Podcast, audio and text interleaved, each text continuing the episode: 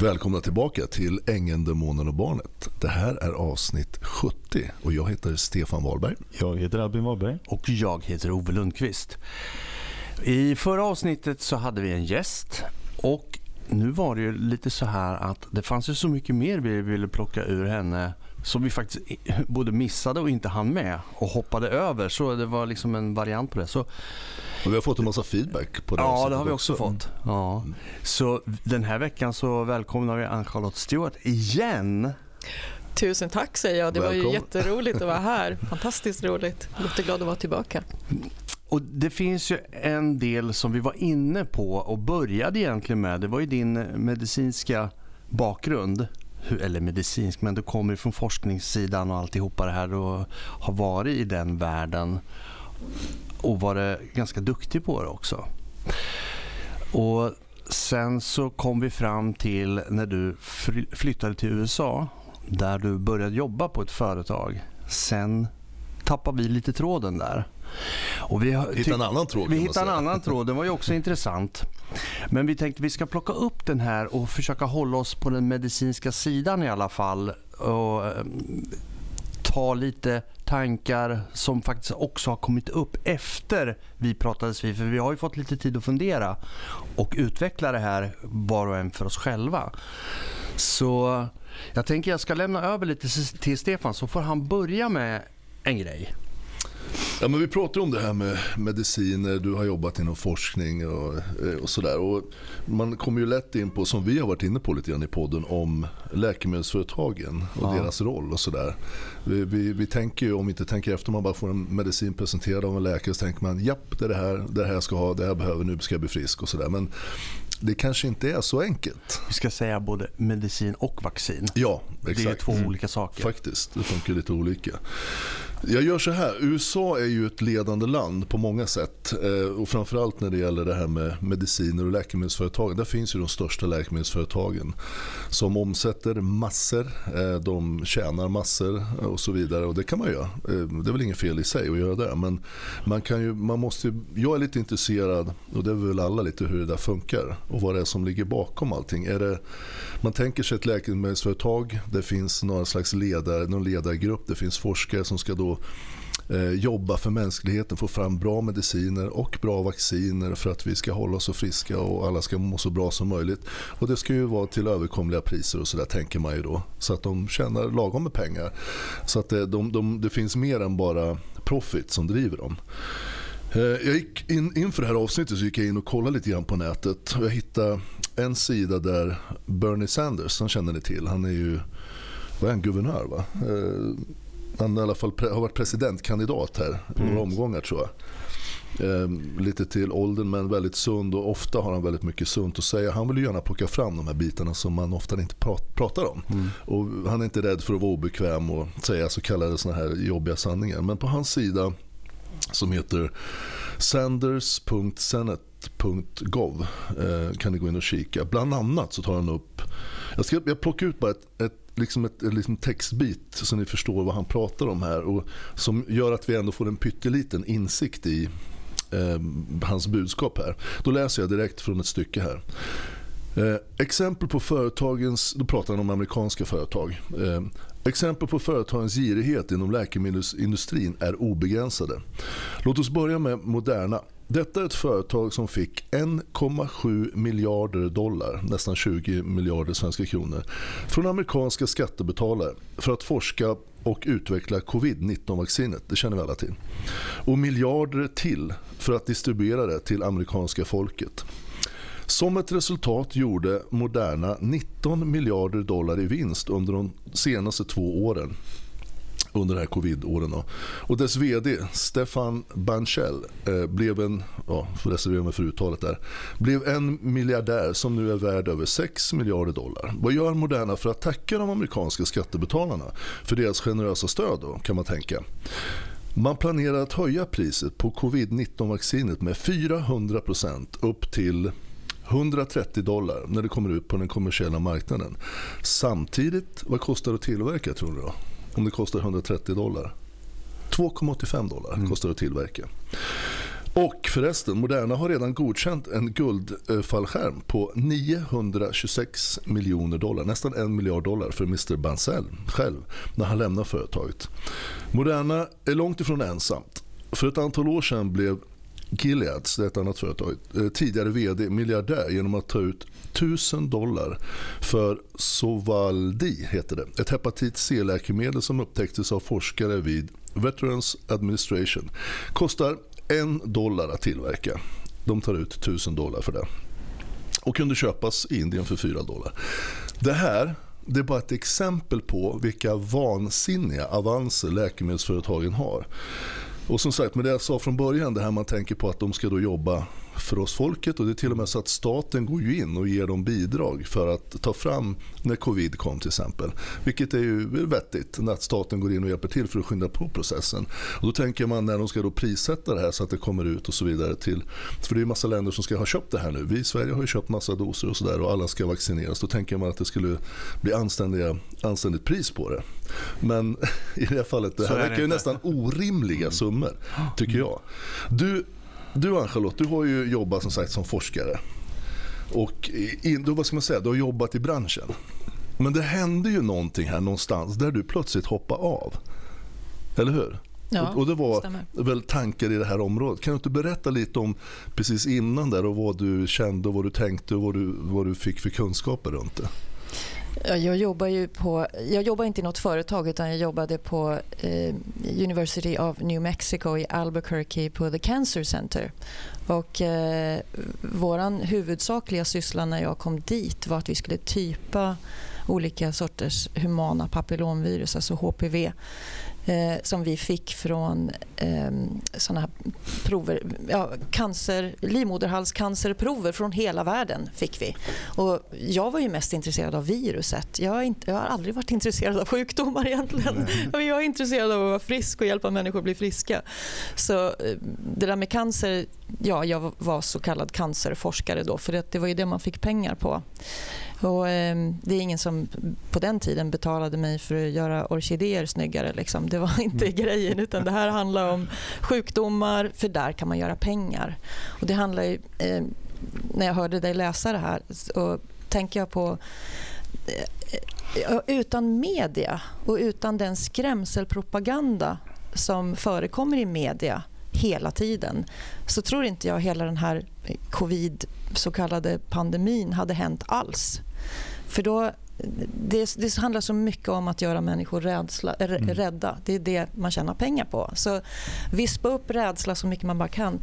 Men för att komma tillbaka till, jag var på labbet och jag eh, jobbade med att typa virus. och eh, vi hittade nya virussorter. Och, och, så jag tyckte det var jättespännande och jag var faktiskt intresserad av, av eh, eh, hur man kan titta på eh, evolution genom att titta på papillomvirus och hur de koevolverar med, med mänskligheten och så. Vad innebär det på ja, alltså, för oss? Ja, men vi, vi människor vi förändras ju väldigt snabbt. Vi har ett, eh, ett muterbart DNA. Vi, vi, är ungefär som bakterier på det sättet. Att vi, vi förändrar oss väldigt fort. Och vi har till exempel blivit mycket längre, vi lever mycket längre om vi har en bra miljö runt omkring oss. Mm. Har vi dålig miljö så då blir det jobbigt. Men människan är ju lite grann... Vi har tagit över den här planeten och ganska hänsynslöst går fram. Och ehm, det är många andra djur, eh, djurarter. Det är många djurarter som vi har utrotat och vi skräpar ner runt omkring oss och vi ställer till med en hel del problem. Sen är det ju också så att det händer saker med hela vår jord och, och, hela universum och så som vi inte kan kontrollera. Men människan har en förmåga att ställa till saker omkring sig.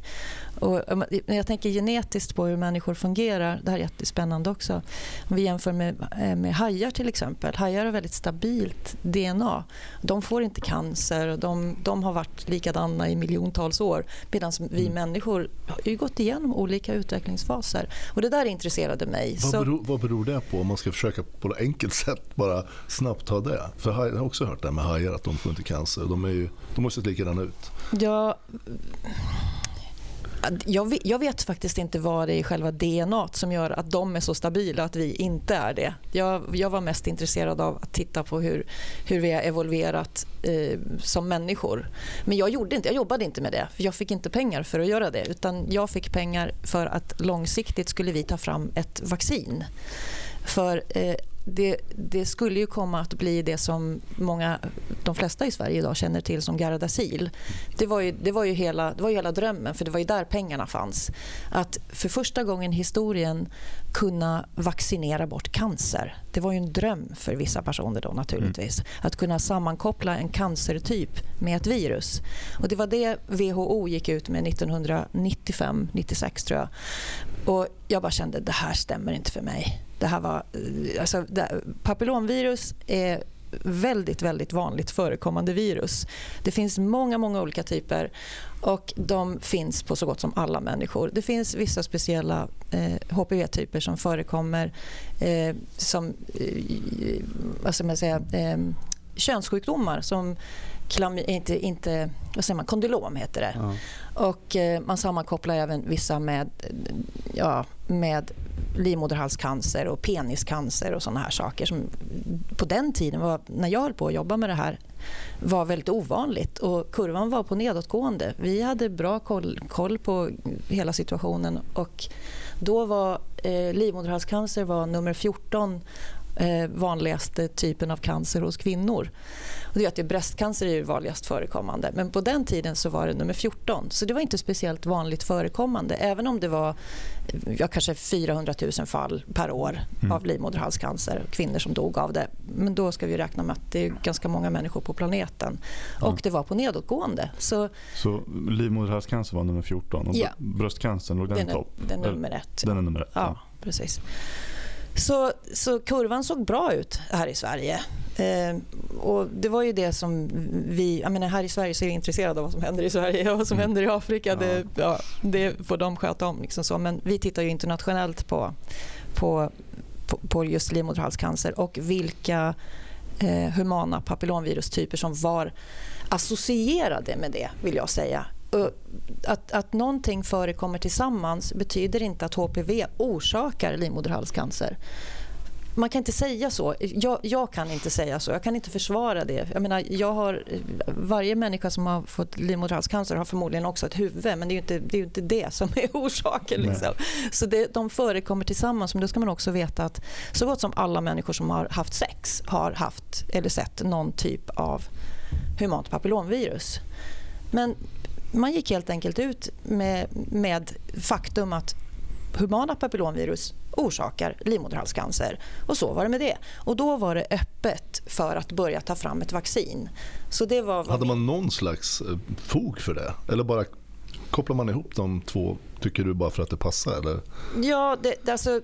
Eh, om, man tar, om vi tar tusen eh, eh biopsier eller cell, eh, som pap smears heter det, ifrån livmoderhalscancrar som förekommer i hela världen. Då är det så att i 90% av fallen så hittar man humant papillomvirus. Men i 10 mm. av fallen så hittar man det inte. Och den forskning som jag började läsa om de här sakerna, för jag kunde inte gå med på det här. Det här var en av de stora anledningarna till att jag faktiskt hoppade av forskningen. För jag kan inte tro på det här. Det går inte. Det går inte ihop för mig. Och dessutom de här eh, cancerna som inte hade humana papillomvirus i sig, de var ofta värre än, än de som hade som var HPV+. Mm. Då man ju, skulle man kunna argumentera att det kanske var bra att papillomvirusen var där då. Men det ja. kan man inte heller göra. Det krävs ju jättemycket forskning för att, för att stödja de här idéerna. Men jag kände att du kan inte bara för att du hittar humant papillomvirus, typ 16 eller 32 eller vilket nummer det nu var, mm. så kan du inte säga att den här människan kommer att få livmoderhalscancer, för det är inte sant. Nej. Det är helt enkelt inte sant. Det, det de gjorde var att ta, här har vi en sjukdom som vi vill hitta en lösning på, ett, skapa ett vaccin på. Ja. Och sen så, okej, okay, vad har vi gemensam nämnare här? Och sen tog de någonting som är vanligt förekommande i precis alla människor överallt jämt. Ja. Och så skrämmer vi upp dem utav helvete. Ja. Exakt. Ja. ja. Så, så på den vägen var det. Och i mitt labb, den, min handledare nu, hon var en av sex stycken som idag har patent på Gardasil, alltså humant papillomvirusvaccin. Mm. eller mot livmoderhalscancer. Det, det, ja. och, och, hon alltså, jätteduktig att få in pengar och, och mycket lobbying och sånt. Så, ja. Så nu finns ju det vaccinet här i Sverige och mm. det ingår i det allmänna vaccinationsprogrammet. Och jag kan bara säga att jag är så glad att jag inte är med och delar på de pengarna som de här tjänar. För jag, jag var med. Vilket du skulle kunna ha gjort. Jag skulle kunna ha tjänat miljoner på det här om jag hade, om jag hade varit kvar och mm. känt att ja men yeah, nu kör vi. Liksom. Med dollartecknen mm. rullar ju ögonen på de här människorna. Det är klart det är frestande. Mm. Nej, det var inte frestande alltså, för, mig för, faktiskt. Det var inte det. Men för, för en entreprenör eller ja. för en ja. företagare som enbart är i det för att nu ska vi jävlar göra pengar. Ja. Så ser man att okej, okay, kan vi sälja in de här idioterna på att det här funkar? Så, alltså jag vet ju bara hur snacket gick då när min dotter då blev, eh, när hon gick då på AI-skolan då, när man skulle vaccinera alla tjejer i den åldern. Mm. Och det var ju så Alltså det var ett sånt tryck på att man skulle göra det. Det var ju nästan lite så övertalningskampanj. Min fru sa, eller de diskuterade hemma och sa nej, vi, eller, vi kommer inte låta henne göra. Därför målsman var ju tvungen att skriva på eftersom de inte var tillräckligt gamla själva. Nu fick jag faktiskt höra, när vi pratade om det förra veckan så fick jag faktiskt höra um, att min dotter har gjort det i vuxen ålder. Så ja, jag vet inte. Men hur som helst, vi försökte i alla fall att hon inte skulle få det då. Ja. För eftersom vi hade ingen aning om det. För det, precis det här du, du säger nu. Hur kan man vara så säker på att man kan vaccinera sig mot cancer? Alltså, nej. Det låter ju jag, jag, köpte inte, jag köpte inte resonemanget. Även om det vore en utopi om man mm. kunde göra det. Få en spruta och sen får man inte cancer. Det är ju fantastiskt. Men det var ju det första av sitt slag vad det gäller att vaccinera sig mot cancer mm. oavsett om det, vart den sitter i kroppen. Nu var det livmoderhalscancer som var den första ut. Mm. Mm. Och Det är klart att man blir lite så här, okej, okay, hur vet vi att det här fungerar? Ha, finns det något belägg för det här? Mm. För om man eh, ger sprutor till 100 personer och två av dem får livmoderhalscancer, ja då blir det liksom en liten dipp i statistiken. Men det kanske de skulle ha fått i vilket fall som helst kan man tänka. Mm. Mm. Men elefant, elefant, elefantfråga, elefant. en relevant fråga. Du som jobbar med det här då, såg du något konkret där, eller såg du något konkret för att det här skulle finnas ett samband överhuvudtaget? Eller var det så att du nästan såg, det finns inget som helst samband? Eller hur, hur var det när du liksom gick igenom den här processen som gjorde att du hoppade av till slut? Alltså, är det helt bara plockat ur luften mer eller mindre? Jag menar, du har ju ändå, du jobbade, det här är ju, menar, alla i Sverige tror jag nästan känner till det här. Eh, Eh, vaccinet. Mm. Och för, liksom, det, det, var ju ute i skolorna, unga tjejer. De, jag, jag kommer ihåg det var snack också. Mm. Att de måste ha det. Liksom. De ska ha det. Och alla rekommenderar, alla mm. Eh, sjuksköterskor de rekommenderar. Det, liksom, det var inget att snacka om. Och sen tror jag man som förälder där, och, eller som, om man är, man är äldre men som kvinna och ska få man, bara, man litar ju på att de läkare och så vidare, de som jobbar med det här, de, och de som bestämmer mm. i skolan eller vad det nu är för någonting. Att de pr pratar sanning och att det här är väldokumenterat. Men du menar ju att det är ju inte det. Nej, jag såg inget samband mellan det alls i och med att jag vet att HPV förekommer hos så gott som alla som har haft mm. sex. Så det, det, de här viruserna är överallt. De finns naturligt? Ja, ja, ja, ja. de är med överallt. Mm. Och Skulle det vara så att de ger livmoderhalscancer då borde ju alla få det, tycker man. Men så är det ju verkligen inte. Och vi var ju på väg åt rätt håll med livmoderhalscancer. Men tyvärr, efter den här jättestora kampanjen som var 2010, tror jag det var, 2009, 2010 sånt. Som för övrigt var en av Sveriges mest eh, eh, framgångsrika eh, marknadsföringskampanjer. Det var ju det här Love Me med rosa hjärtan och allt möjligt. Och, och det hände väldigt otrevliga saker runt omkring det. Därför att eh, man riktade sig mot 10, 11, 12-åringar. Det handlar ju inte om att man skulle tala om för föräldrar att nu behöver ditt barn det här utan man riktar sig direkt till små tjejer som mm. inte ens var tonåringar. Mm. Och då ska man vara med på det tåget. Man får mm. den, rosa, den här rosa bussen kommer med alla mm. hjärtan och alltihopa. Så mm. det var ju otroligt effektivt. Så de, de, man gjorde ju det i skolan dessutom.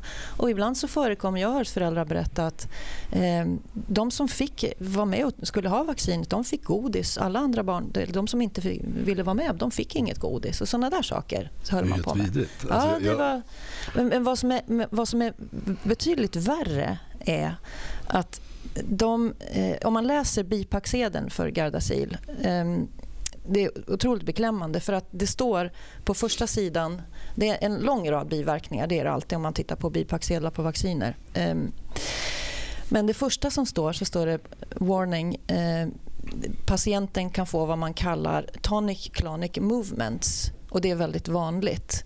Om man tittar på vad det betyder, det ordet, så betyder det epileptiska anfall. Och Det kan förekomma inom 15 minuter. och Det måste finnas såna här eh, hjärtstartare och allt möjligt i lokalen där man ger de här vaccinerna. Därför att det är så vanligt att man svimmar när man får det här vaccinet. Det är därför folk måste få sitta kvar en stund. Ja, måste sitta kvar en mm. stund. Och det, var inte förvånad om, om du får epileptiska anfall efter det här. Jag fick själv epileptiska anfall efter jag fick en rad resevacciner när jag var i tonåren. Men jag sammankopplade inte de här sakerna. Jag har haft många såna genom åren. Jag har inte förrän på senare tid förstått att det här inducerades ju av att jag fick mm. vacciner. Och nu skriver de det öppet, men kallar det tonic clonic movements.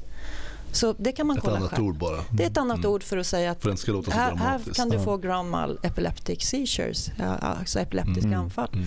Sen är det ju resten av, av texten som man kan läsa också. Och jag har träffat åtskilliga föräldrar och, och, barn också som har fått allvarliga skador efter de har fått de här vaccinerna. Eh, jag var och hälsade på hos en familj i Finspång. För jag var runt och föreläste om de här sakerna och berättade om de här sakerna för människor och vad vi kan faktiskt göra för att ta hand om vår hälsa utan att mm. behöva ta sprutor som kan ge allvarliga skador.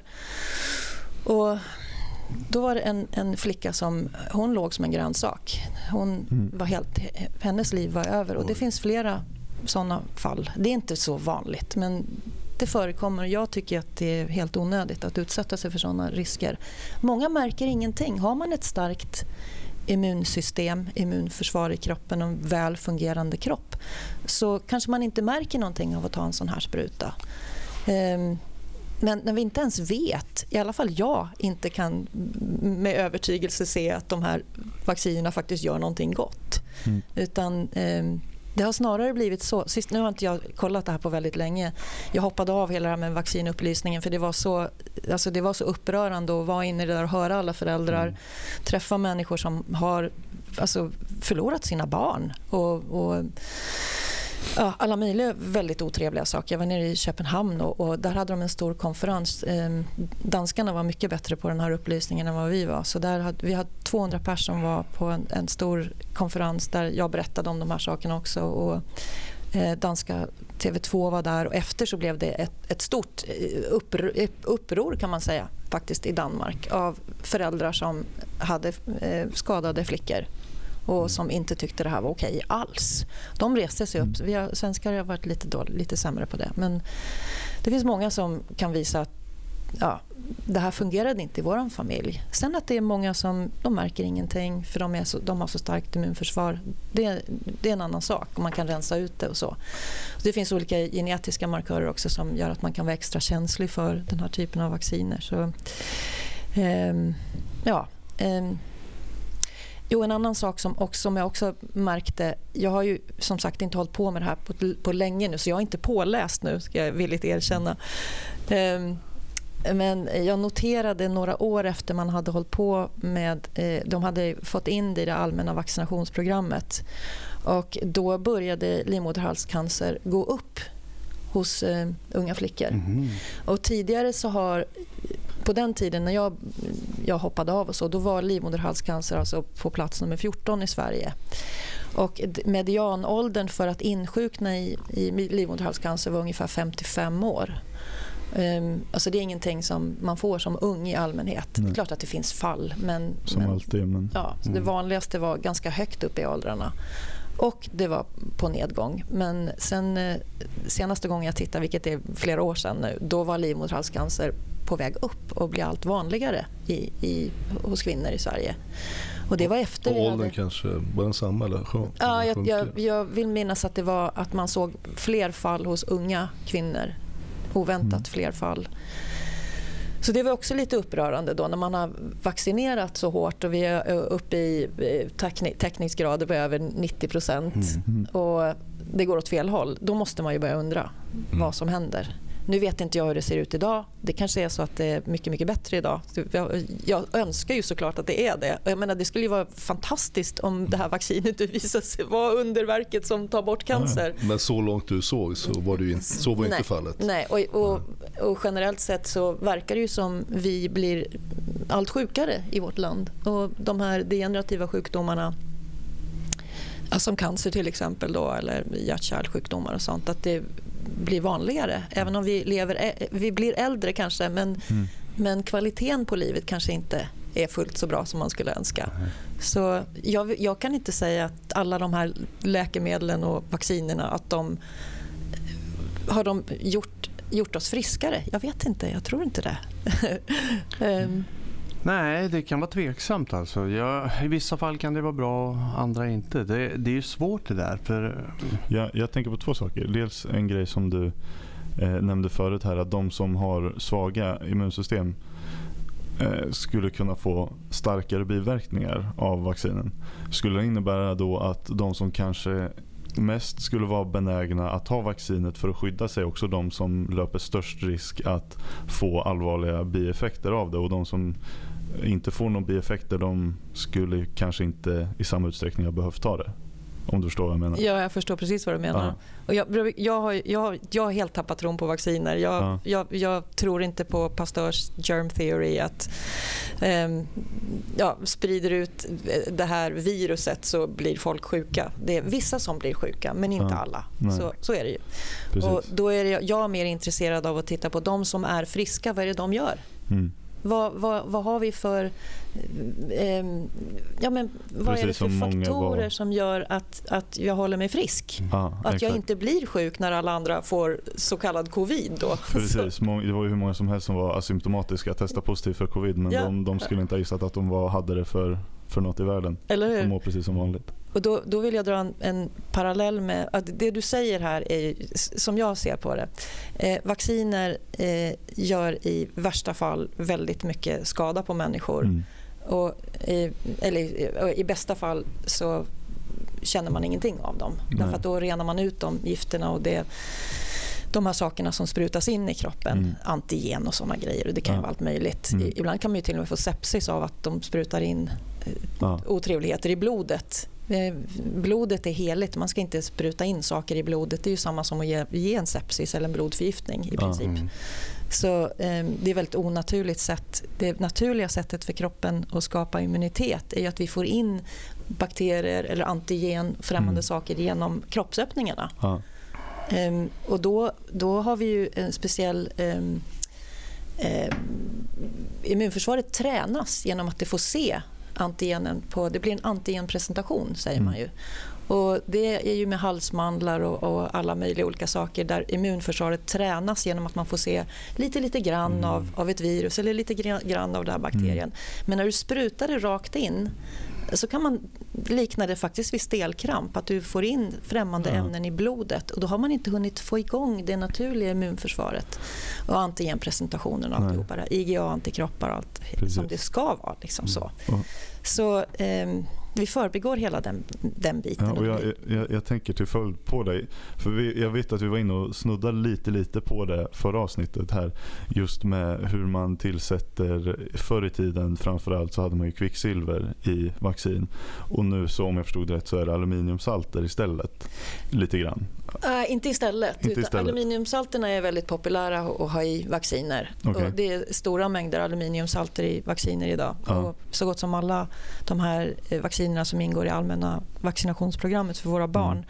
de har höga, höga halter av aluminiumsalter. Precis, och, och, har jag rätt om man tillsätter dem för att skapa ett immun, en immunrespons i kroppen för att de... An, eh, vad ska vi kalla det? Jag, jag, kan ju inte termerna för det här, men de virala resterna eller de virusbanken, den datan som man vill ha in i kroppen skulle kroppen inte reagera på om man inte tillsatte de här toxiska ämnena. Ja, det, det är att för, förstärka effekten av det hela. Exakt. Att skapa eh, en inflammation egentligen i kroppen. Precis. Ja. Och inflammation vill man inte ha i kroppen alls. Nej. Det är inte så bra. Det vet de flesta idag att eh, ja. vi ska hålla ner den saken. Men exakt, det här är starkt inflammerande ämnen ofta. Ja.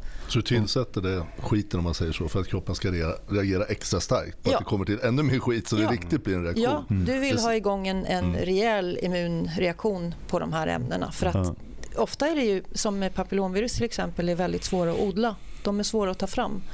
Um, så då, vad man gjorde med, det här är också intressant med Gardasil, är fantastiskt. Alltså det, det är så eh, genialt tänket kring det. Det finns ju mycket liksom bra tänk mm. men, men kanske inte så naturligt för människor att, att... Vi har ju inga naturliga försvar för de här sakerna och sprutar in. Så på grund av att papillomvirus är så svåra att odla då skapar man något som man kallar för virusliknande partiklar, virus-like particles, VLPs. Och då klistrade de på, de tog ytproteinerna på eh, virusskalet, eh, så att säga, på papillomvirus. Då.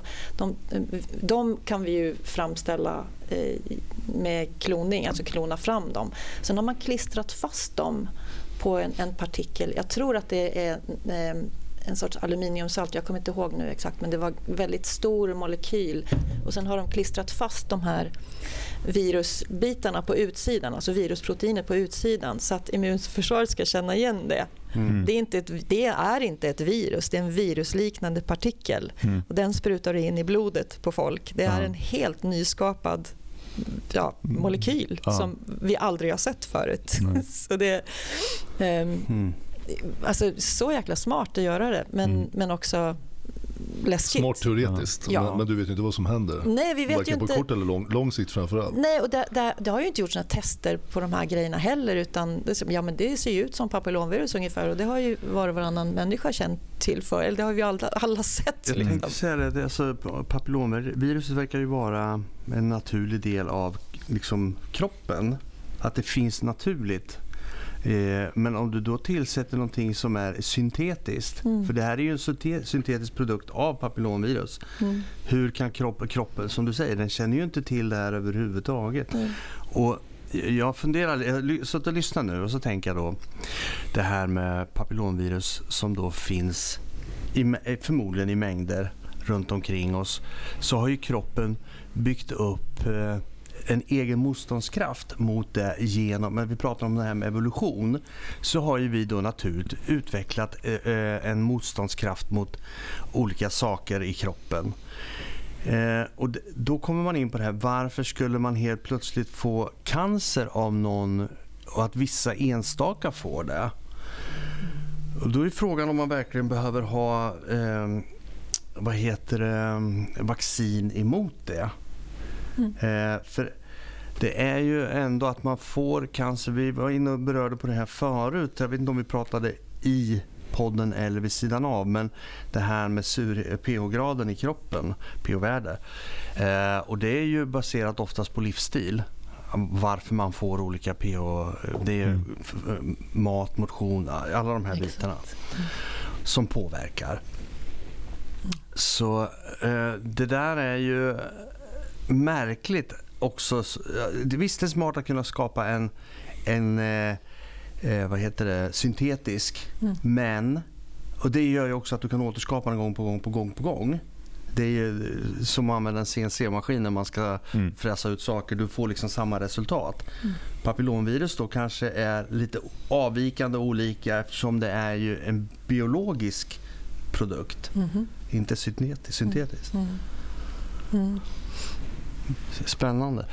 Eh, jag tänkte på en annan, när vi ändå är inne och pratar om för, nu har det pratats ganska mycket om det här. Du pratade om, eh, eh, Stefan, om det här att det, man tjänar pengar i läkemedelsindustrin i mängder. Vi var också inne på det här där du sa att man, man eh, eh gör annonskampanjer och, och, media är ganska duktiga på att liksom skjutsa upp olika saker, skrämma upp befolkningen i olika fall. Det här med skolan nu som höll på med Gardasil och liksom uppmuntra tonåringar att jo men ni ska ta det här, det är jättebra. Hur vet ni det? Det har nyss kommit ut. Liksom. Det kan man inte svara på. Och I samband med förra gången så gjorde jag liksom bara en lite intressant grej. Jag kollade liksom vad du, för du pratade om föreläsningar. Och så tänkte jag, jag ska kolla vad är, det, vad är det hon har gjort? För det är alltid intressant så här. Och det är det här som Oh, har kollar upp alla? Ja, jag kollar upp alla. Nej, men jag är nyfiken. Så. Ja, det är bra. Lite backsearch, Och då kommer jag till en sak och vi ska gå in på ett ämne som vi har berört eh, lite off alltså innan vi börjar som vi kommer ta. Men SVT skriver då en jätterubrik när du har gjort en föreläsning om antivax... Ja, anti, du kallas då för antivaccinationsdebattören. Ja. Men rubriken är då regionpengar finansierar propaganda mot vaccin.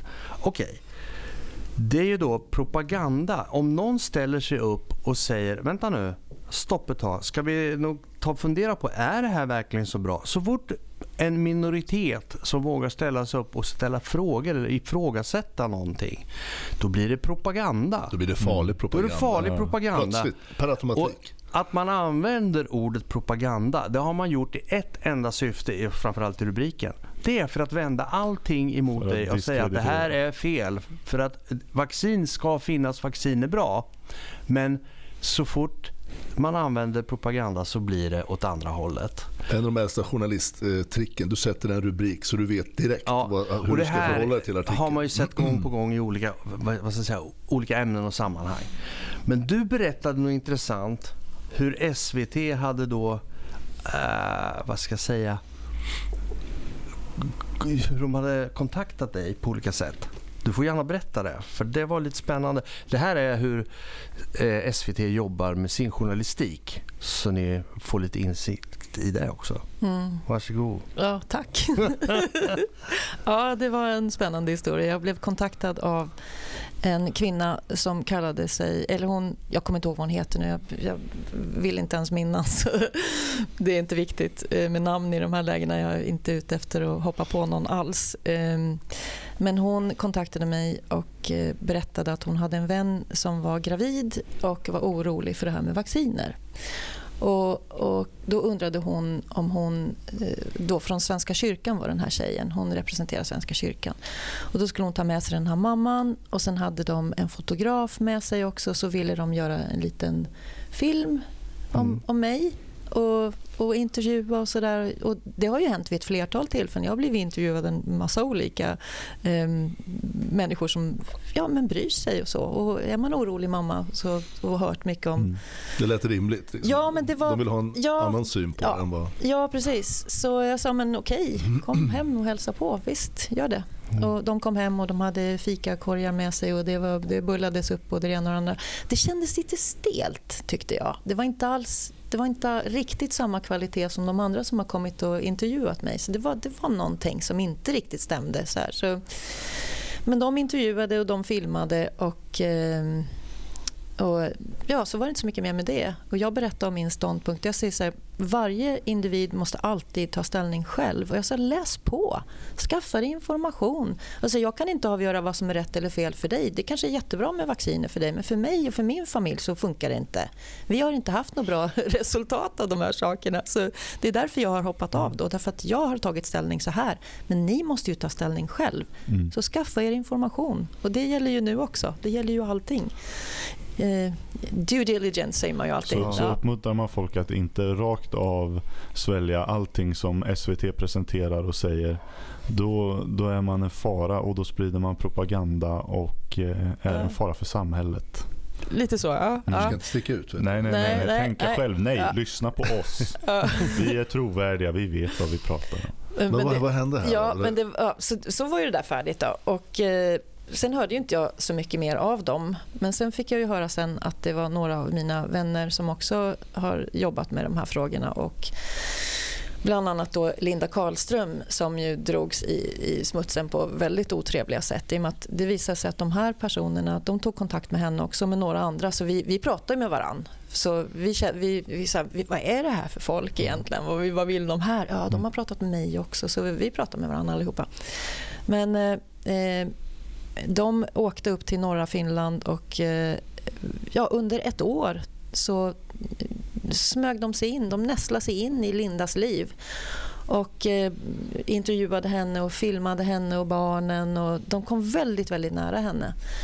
Och hon, sa väl, hon har ju en del åsikter som, som jag, jag, alltså jag håller inte med om de sakerna alls. Men vi har vaccinationsfrågan gemensamt och hon har råkat väldigt illa ut. Hennes barn har fått skador av vacciner. Och det är ju den anledningen hon är ute nu och pratar om de här sakerna. Och hon är en fantastisk kvinna. Eh, men hon sa en del saker som blev lite tokigt. Så. Men det visade sig att eh, de här tre personerna faktiskt var journalister från SVT och att de hade vallraffat henne totalt. Och de försökte göra samma mm. sak med mig och några av, mina, av våra vänner också. Eh, men de lyckades inte med mig. Jag, jag sa inte rätt saker så det blev inget bra. Det blev inget, för dem. Nej, det var inget sensationellt. Det var inget sensationellt att prata med mig på det sättet. Men med Linda som är väldigt, väldigt aktiv. Och, och, hon, är, hon är smart, hon är jättehäftig, otroligt stark och modig människa.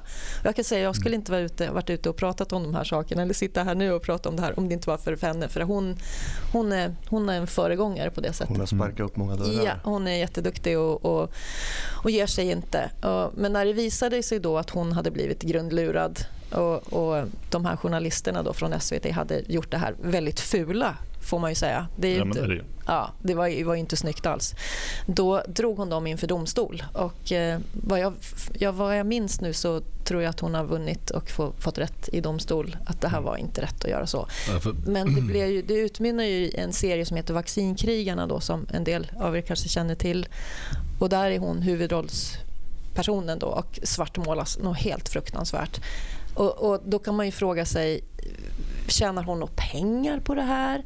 Hon tjänar ingen, ingen av oss som har varit ute och föreläst tjänar ju pengar på att göra de här sakerna. Vi gör ju det här därför att det känns rätt i hjärtat att berätta om vår egen upplevelse av de här sakerna.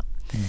Så, eh, men däremot finns det ju andra på andra sidan då som tjänar väldigt mycket pengar. 47 miljoner dollar i avgångsvederlag? Eller ja. Bara det? Ja. Plus då lön och ja.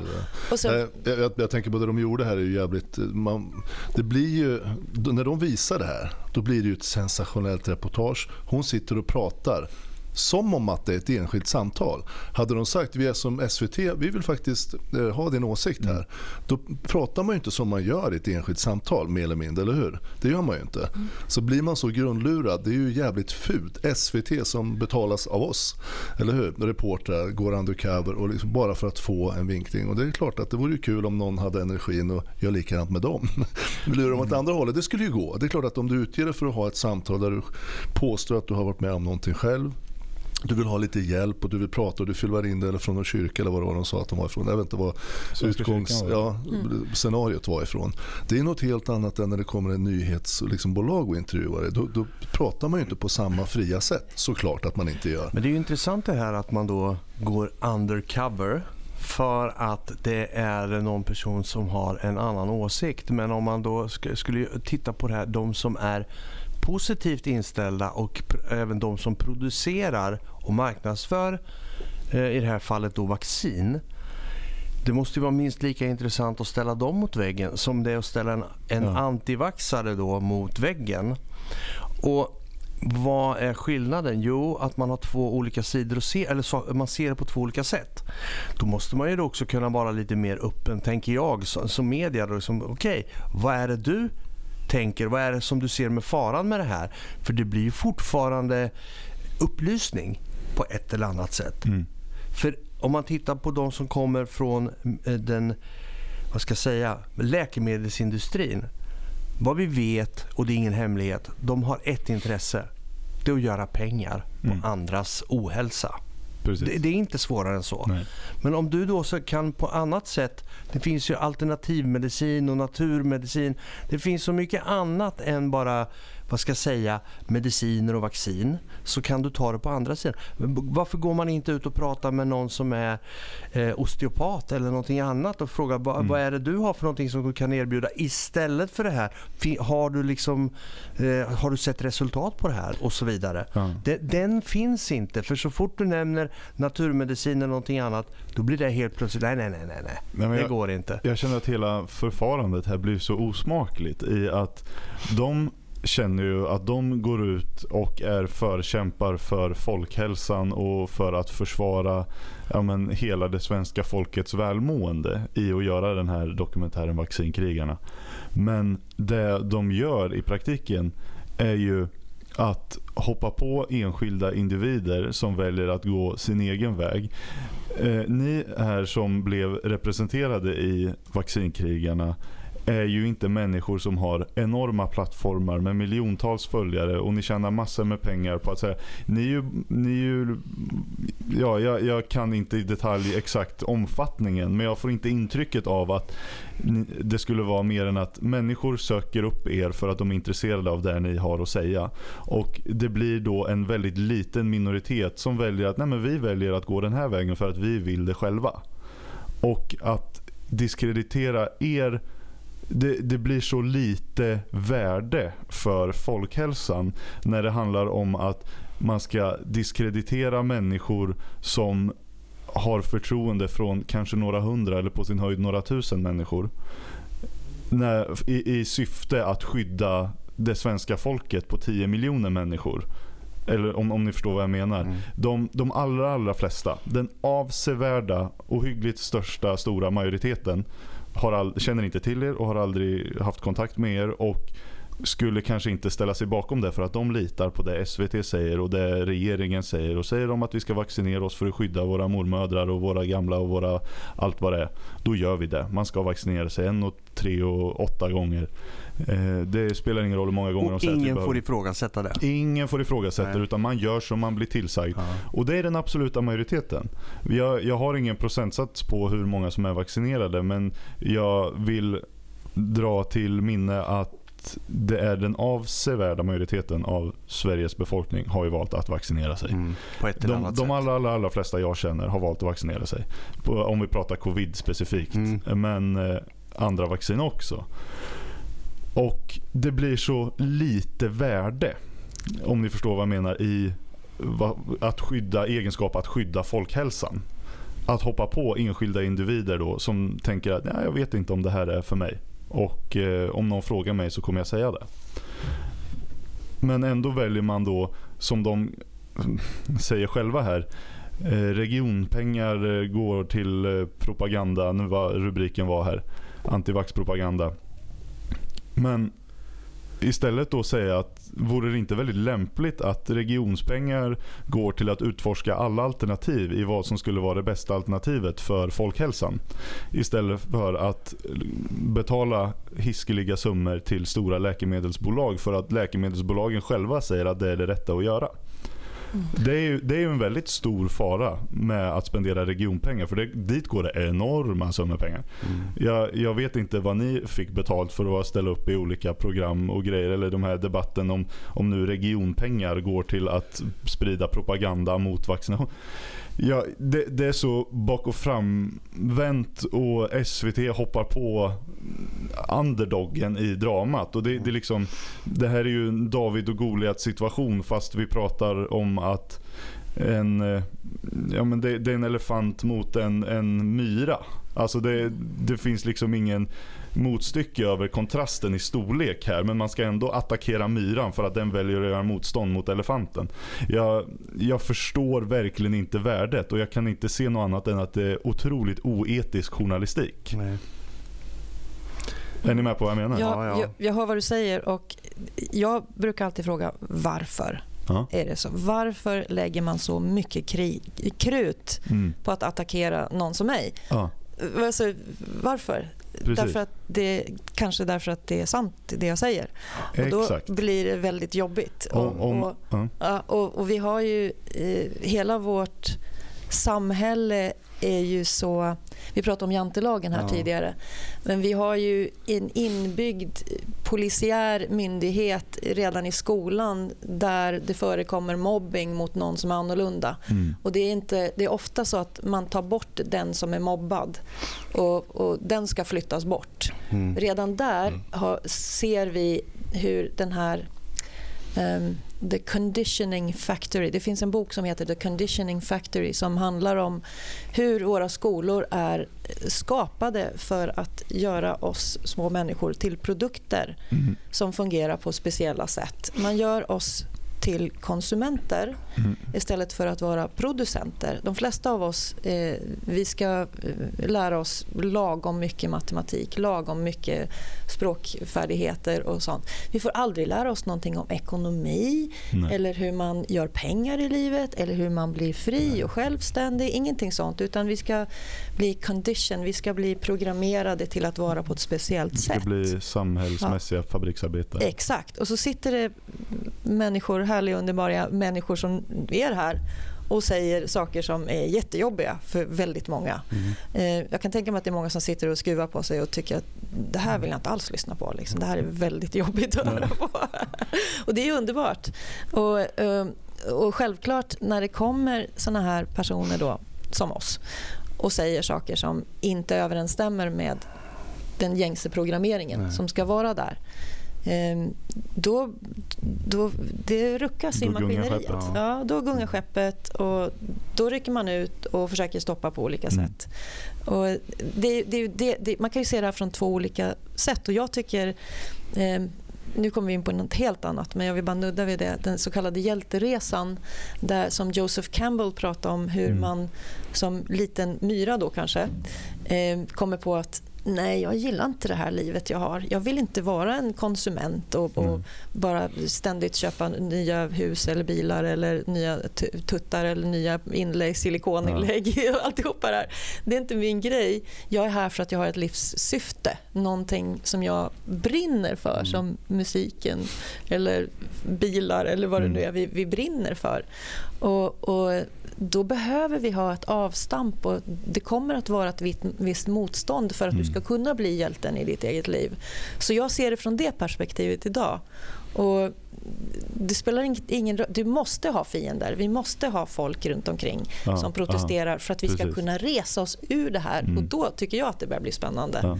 Så. Just det här med hjälteresan tycker jag är ett så intressant koncept. För Fredrik Nietzsche pratar mycket om just hur man måste värna om hjälten inom en och att det, det kan, ett av de, vad ska vi kalla det, eller hur ska jag formulera det snarare, eh, viktigare uppgifterna man har i livet är att utveckla sin inre hjälte, ta tillvara på sin potential och verkligen se vad, vad man kan åstadkomma i livet. Eh, är min, eh, min fritt formulerade då version av, av en del av grejerna han säger. Mm. Det är, och där är, så, så ligger ju väldigt mycket att man måste ifrågasätta saker men det får man inte göra. Då eh, enligt, enligt egentligen, menar, du, du, får, du, får ju göra det, men det kostar. Ja, exakt, och du exakt. blir ju korsfäst på vägen. Ja. Det, liksom, man vill alltid någon, det finns alltid någon som vill spika upp precis, en på ett kors. Liksom, och, och, du är dålig och du ja, är dum. Och man blir motarbetad. Ja, men där, i väx, där växer ju människan mm, i mm. de här utmaningarna som jag ser det. Och, ja. då, blir, då, kan man ju se att nu kan jag säga att men, det har ju varit en fantastisk resa. Mm. Jag har tagit mig till en plats med mig själv där jag, jag verkligen älskar mig själv mm. och tycker om mig själv. Det gjorde inte jag förut. Och vi pratade lite om det tidigare. Ja. Ove, och det här med jantelagen. Att du, du kan stå och säga att ja, men jag, jag spelar gitarr på världsklassnivå. Mm. Alltså, more power to you. Mm. Så det är ju underbart. Men det är många som blir irriterade på att ja. du säger det. För det får man inte riktigt säga. Nej, det, det är liksom inte okej. Okay, Men alltså, det är så här. Jag, jag, jag har tagit fram en grej här som jag... När vi har pratat om det här med mm, att man kanske ska se det från ett annat håll. Så här bara, för jag brukar prata om synkroniciteter. För när vi eh, pratade förra gången så var vi inne på de här ämnena och snuddade lite grann. Men bara direkt när jag kommer hem så får jag upp ett, eh, en bild med en ganska intressant text som jag tänkte jag ska läsa här.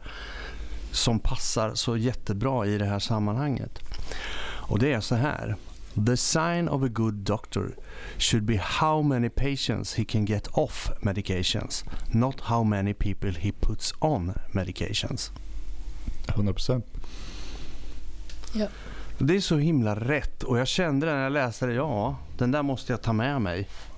Mm. nästa gång vi ses. Och det, mm. Vi sågs ju fortare än vad vi trodde. Därför att vi var tvungna att styra upp det här på en gång. Medan det var färskt kände jag. Mm. Ja. Det, det, det, är ju helt riktigt det du säger. Ja. Jag menar, det, det man har sagt till min mor nu då, som fick hjärtflimmer ja. och har gått med det jättelänge. Så går hon till en läkare som ger henne något som heter Eliquis. Ja. Då för att, eh, det ska hon gå med resten av, resten av livet. ska hon ha det. Så då har, hon, då har man ju skapat nu vet inte jag om det var, nu har hon tagit några sådana här covid-vacciner. Trots att jag tyckte då att det behöver du väl inte, tyckte jag. Men, mm. men hon gjorde det för hon skulle ut och resa och, och ja, så hon gjorde det. Och hon har blivit jättesjuk. Jag vet inte om det finns något samband mellan det.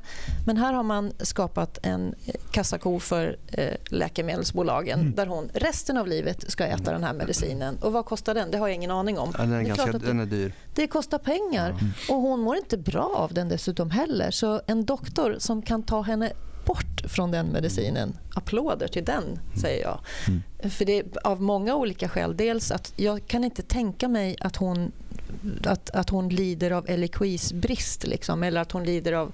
Hon tar ju Alvedon varenda dag för att hon har mm. ont i huvudet.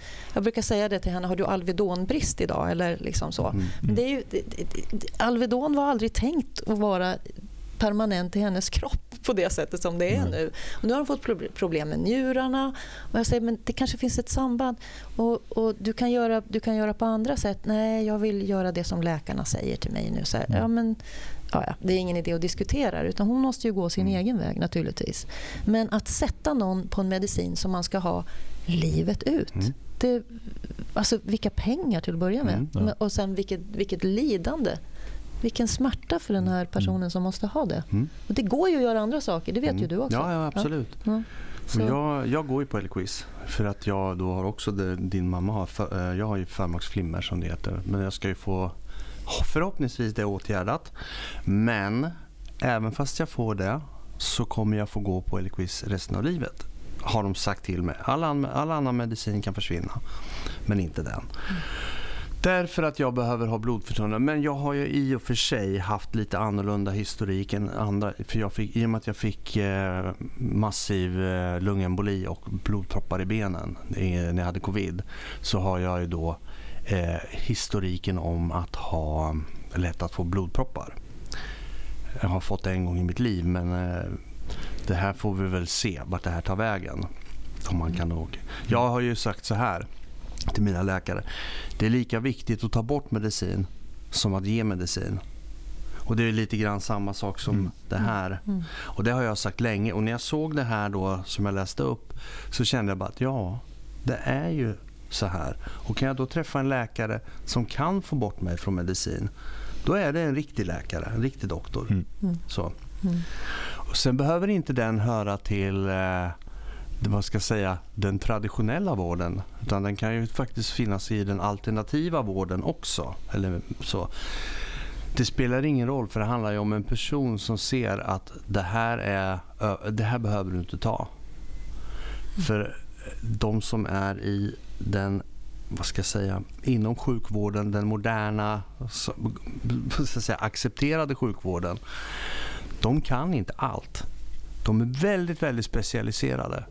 Till att börja med så kan de ingenting om vitaminer och mineraler. Noll och ingenting. Finns, eller, det finns några enstaka som känner till lite grann. Men de känner till sånt här som B12, att det är bra för hjärtat och Q10. Mm. Ja, men, så, alltså, såna här lite basic. Men när det börjar komma till lite utanför. De skakar på huvudet och säger det vet jag inget om. Mm. Men de kan allting in i kroppen. Det är de duktiga på. Mm. De har också delat upp kroppen i olika ja, delar. Så man är specialist på hjärtat, ja. eller på lungor, eller på i, ja, tarmar eller mm. hjärna. Eller, och, och, man missar helheten i det precis. där. Mm. Och Det är därför jag tycker, när man pratar så holistiska läkare som då eh, är... De har ju en fot i varje värld. Mm. Eh, även om de inte skulle kunna operera ett hjärta så är de mera en allmänläkare men de har vad ska jag säga, bredare kunskaper. Och De är väldigt ovanliga i Sverige. I USA finns det fler sådana. Jag har en som är, han är holistisk läkare. Och han, utbild, han är amerikan, han är utbildad i USA mm. också. Men han är kiropraktor. Men han har liksom mer koll på kroppen. Och dessutom så är han så här, så, så fort han märker att det här, den ska jag skicka dit. Därför att den här personen kan det bättre än mig. Mm. Därför att Eh, då, han ger sig inte in och håller på att mecka med någonting som inte är hans område. Men han kan konstatera att det här är någonting som den här personen behöver se på. Mm. Det är bättre. Och att om de inom sjukvården och eh, vad ska jag säga, allmänvården och eh, alla andra ska vi säga, om man kan samarbeta över gränserna. För det finns egentligen inga gränser. Och det är det här då som den här kiropraktorn blir så förbannad på att den traditionella vården då sätter sig emot eh, alternativmedicinsk behandling mm. och vill inte ha med dem att göra för att det är liksom det är bara kvacksalvare enligt dem. Mm. Så. Det här är ju ett annat problem. Det här skulle jag kunna prata om hur länge som helst. För jag, jag har ju sett det här i så många år och jag blir bara förbannad jag när jag får se att de inte kan enas. Eller, bara det här att göra rätt ordning från sjukgymnast till från en kiropraktor till exempel. Du ska gå till en kiropraktor först och sen går du till en sjukgymnast för att bygga upp det du har. Inte gå som sjukgymnast först och förstöra resten så att det blir svårare för en kiropraktor att få ordning på dina alltså hårdelar, mm, mm. skelett och annat. Ja. Även nervbanor och sånt. För det kan du förstöra genom att vara hos en sjukgymnast. Nu sitter det säkert en sjukgymnast där ute som säger det där håller jag inte med om. Mm. Nej, gör inte det. Men det här är min, mitt sätt att se det på. Och, det, ja. och de jag har pratat med eh, inom alternativa vården håller med mig mm. om det. Mm. Jag, jag, hade en fundering. för jag, jag sitter och funderar, jag tror inte riktigt vi kom till den punkten. Men i din karriär där på University in New Mexico. Fanns det något tillfälle där du kände bara att det här är droppen? Nu, nu skiter jag i det här. Eller var det en känsla som bara sakta kom på smygande att bara, vad fan är det vi håller på med? Ja, det var ju faktiskt båda delarna. Det var en känsla som kom smygande eh, i och med att vi flyttade till New Mexico till att börja med, mm. vilket är new agens mecka kan man väl säga. Ja. Det upptäckte inte jag de första ett och ett halvt åren när jag var där därför att jag mm. ägnade den största delen av min tid åt att köra eh, sekveneringsgeler i en källare. Det fanns inga fönster eller någonting i vårt labb och jag hade några technicians och mm. vi jobbade stenhårt. Och jag hade inte mycket tid att göra något annat. Så jag Nej. hade ingen tid att upptäcka det fantastiska mm, landet som jag bodde i. och, um, semester på den tiden var ju att åka på konferens. Liksom. Så var det ju. Och visa upp sina resultat. Och uh, bli starkt kritiserad. För det, det är sån tävling ja. i, i, den här forskningsvärlden. Du ska ha pengar. Och det, det är dyra experiment. Um, jättedyra experiment och för att få pengar så måste du publicera. Mm. That's it. Jag publicerade fyra första namn under ett och ett halvt år. Det är mycket. Mm. Med, alltså PEK, såna publicerade och peer-reviewed saker i, ja. i ja, riktigt bra tidskrifter. Så mm. Jag har en publikationslista som ser jättesnygg ut. Och jag jobbade verkligen i järnet. Mm. Och, um, men jag, jag mådde inte bra. Det Nej. gjorde jag inte. Jag var sjuk och jag eh, kunde... Jag, jag, jag fick såna här epileptiska anfall då också, fast det var inte Gran Mal. Det var små. Jag förlorade medvetande. Jag kunde bara svimma när jag ja. gick på en gata.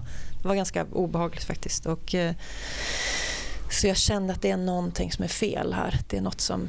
Det här är inte jag. Så, um, så det, det växte. Och sen mm. när jag blev gravid med Adam då, ehm, då jag tror det var hans själ som kom in och påverkade mig väldigt starkt. För Det var en så kallad hög, högriskgraviditet vilket gjorde att jag inte kunde jobba lika hårt. Mm. Min läkare sa att om du inte du måste vila ett par timmar mitt på dagen annars kommer du förlora det här barnet. Ja. Så det var det, det, blev mer och mer kritiskt och min handledare blev mer och mer förbannad. Så att vi hade, hade, jag blev utskälld typ varje dag för att ja. jag inte jobbade tillräckligt mm. mycket. Det, var, det är hårt. Alltså. Det, ja. Amerikaner är stenhårda. på det Leverera eller? Ja, det, och det var ju så. Jag fortsatte ju att leverera tills en vacker dag det bara gick inte mer. Nej. Jag kunde inte gå tillbaka. Och, och, varje dag liksom gråta och behöva försvara att jag vill inte förlora mitt barn. Så, mm. Så, um, så jag stannade helt enkelt hemma um, när han var jag tror jag var sju månader gravid eller så. Då kunde inte jag gå tillbaka och då eh, gjorde hon en jätteful grej. Hon skickade ut ett memorandum till alla papillomvirus, stora papillomvirusforskare och berättade att jag hade eh, typ lurat henne på mm. de här stipendiepengarna jag hade från WHO. Jag hade faktiskt pengar från WHO, från IARC, International Association for Cancer mm. Research. Så eh, jag kunde inte fortsätta så hon, eh, eh, gjorde, hon, gjorde att min, hon såg till så att min försäkring upphävdes. Så helt plötsligt satt jag i skulder på typ 100 000 någonting för läkarbesök och allt möjligt. Så det blev väldigt, väldigt trassligt. Jag blev mm. hårt straffad ja, för att jag ja. klev av från den där cirkusen. Det är en riktig cirkus. Ja. Även om jag tyckte det var fantastiskt roligt. Jag älskar att forska. Jag tycker mm. det är mm. jättekul att köra experimenten och hela den biten. Mm. Jag, man upptäcka nya saker, bryta ja, ny mark. Det är wow. skithäftigt. Ja, och jag är supertacksam också till, till uh, Sverige och den utbildning jag fick på, på medicinsk genetikinstitutionen där. Och, och um, det spenderas ju mycket, mycket pengar på mig och de experiment jag gjorde. Och så, så jag fick en väldigt, väldigt grundläggande utbildning och förståelse för hur celler fungerar, för hur DNA fungerar. Jag kan klippa och klistra i, i DNA. Liksom. Jag är gentekniker. Mm.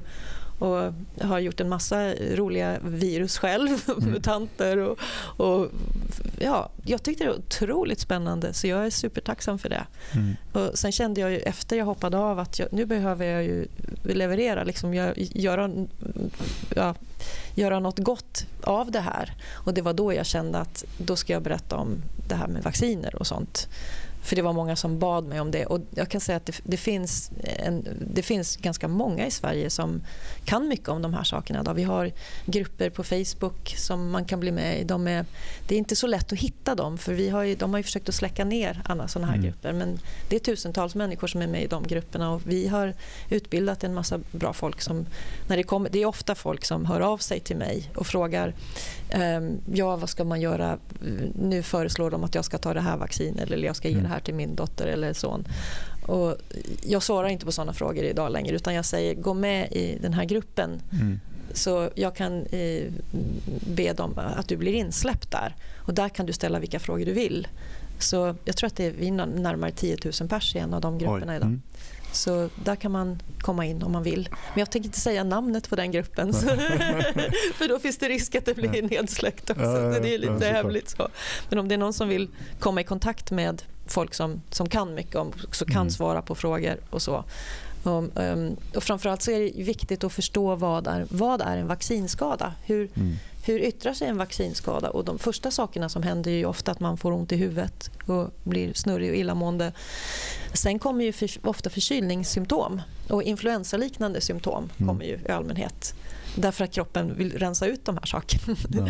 Så eh, då kanske man tror att man är sjuk när man i själva verket har en väldigt frisk kropp som vill få ut ja, främmande ämnen ur kroppen. Och, så de, de här symptomen är precis likadana som, som sjukdomssymptom kan vara. Så mm vad är det som händer? Och det, där måste man fråga sig själv vem man är och vilken attityd man har till sig själv. För att jag fick en avgörande fråga av, av min andliga mamma då, som jag pratade om tidigare. Hon, hon, sa, hon berättade att Ehm, det finns något som kallas healing crisis eller detox-symptom. Och de kommer när du har bestämt dig för att läka din kropp. För Jag var ju på väg ut för jag blev bara mer och mer sjuk. Jag tappade håret, jag, jag hade astma, jag hade åtskilliga allergier. Jag, jag, hade, jag hade sepsis ett tag också. Jag har haft alla möjliga jätteotrevliga saker. Mm. Och eh, jag vet inte vad som har varit värst av dem. Men, men jag, första delen av mitt liv så var jag väldigt sjuk. Sen kom jag till New Mexico och då började jag att, att läka min kropp. Jag hörde ja, nu ska vi hålla på med healing. Mm. Jag ska läka mig själv. Och idag är jag friskare än vad jag någonsin har varit. Mm. Och jag har lyckats växa tillbaka den mesta delen av mitt hår. Jag har ingen astma, jag har inga allergier. Jag är så gott som superfrisk. Alltså jag är... Ja. ja och ingen huvudvärk längre, jag hade migrän jämt och ständigt. Jag kräkte, det var en period i mitt liv jag kräktes varje morgon. Jag hade diarré i, kronisk diarré och IBS i 25 år. Eh, så det har varit helvetiskt för mig mm. att vara den här fina kroppen som jag har. Men nu har jag, jag ska säga att jag har läkt den till 95 procent. Ja. Och, Skönt. Ja, det är super. Det är helt, helt ja. underbart. Och det, det är, jag menar, att kunna sitta här idag och säga det mm. när jag ser många människor runt omkring mig som mm. blir allt sämre och sjukare och allt möjligt.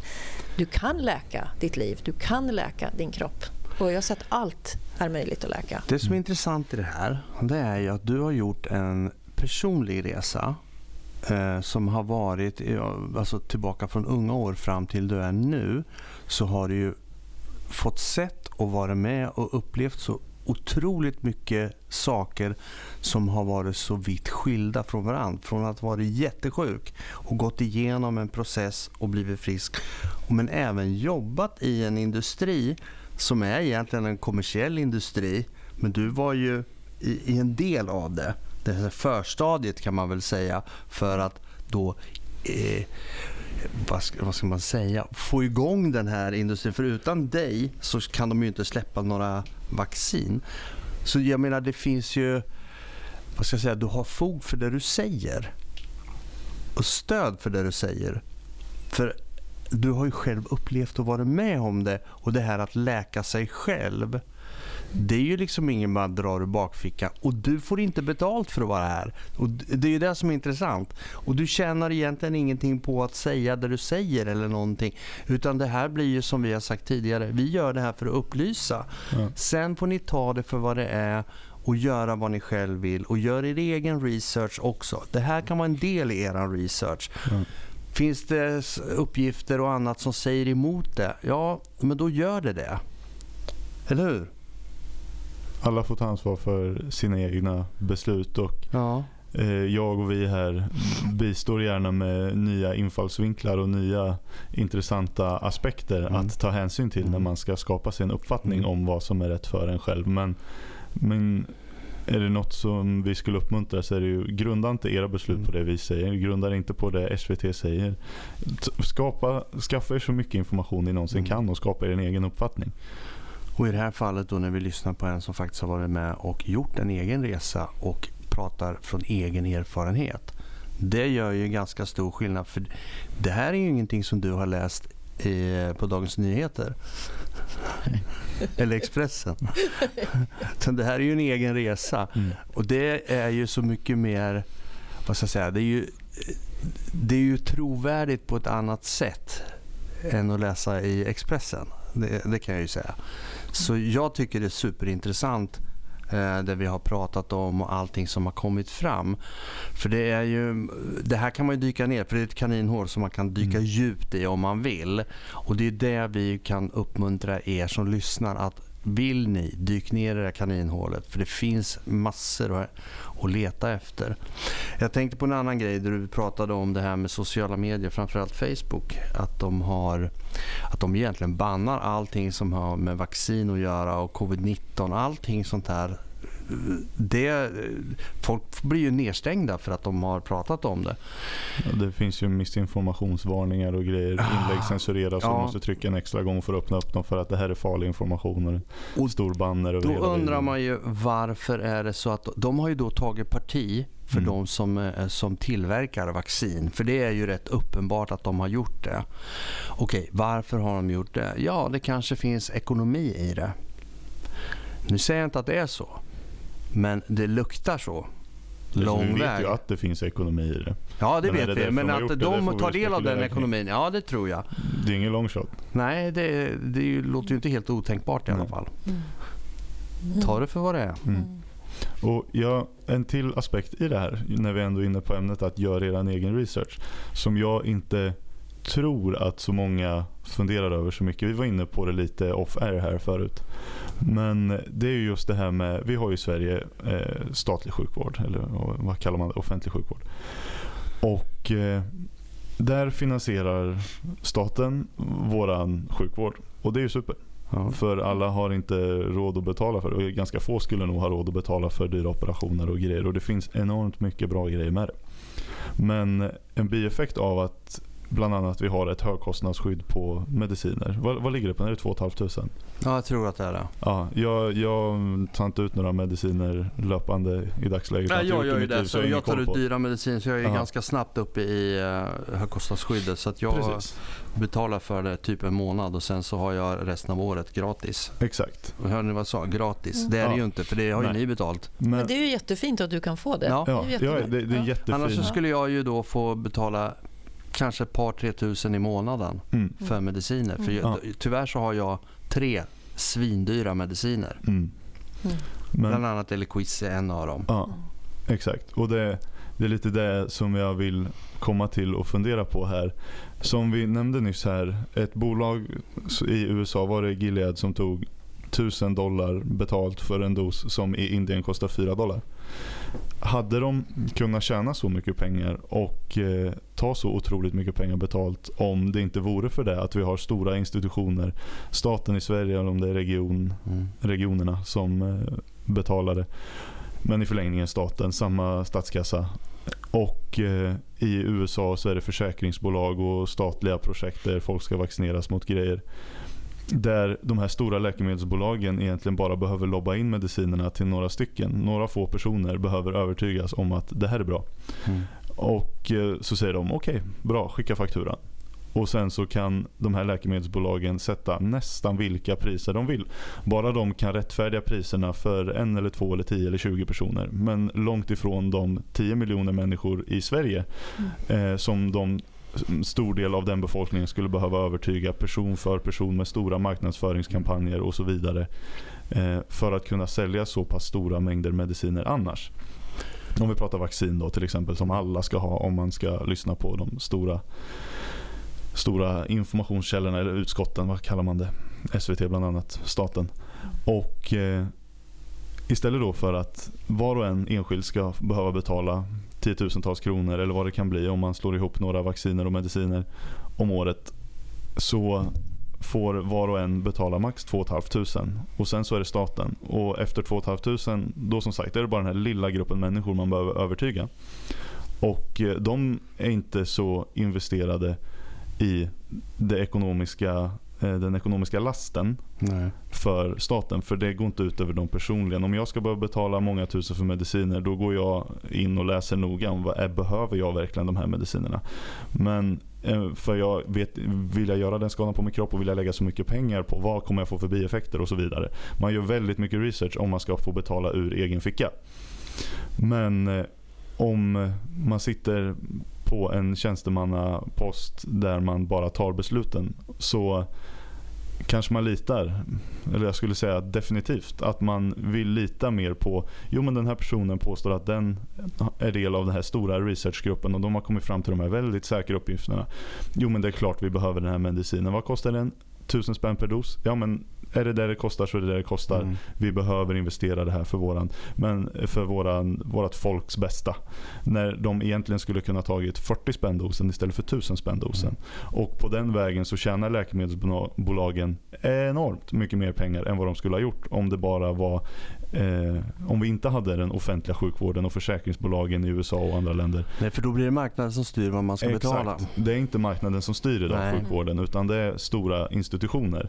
Och eh, Sen så kan man ju gå in och spekulera i korruption och allt möjligt. Vad får läkarna, vad får de här tjänstemännen? Kan de, kanske de får någon kompensation rent av för att premiera ett visst bolag över ett annat och så vidare. Är det, inte, det kanske inte bara är det bäst presterande preparatet som kommer dit utan det kanske är den bäst presterande lobbyisten som får in sina läkemedel mm. i cirkulation.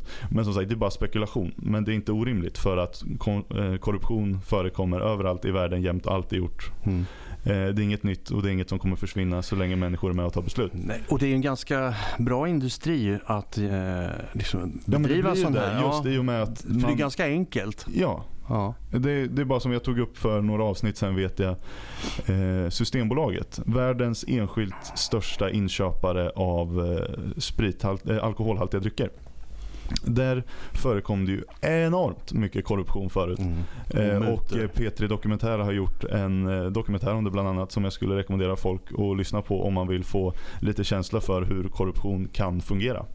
Om det, om det förblir obelyst så att säga. Mm.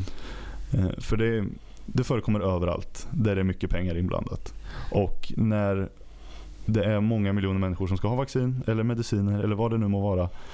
Och eh, krydda dessutom med att vi kan ta nästan vad vi vill betalt för det. Mm. Då kan man ge sig fan på att i något led någonstans så är det korruption inblandat.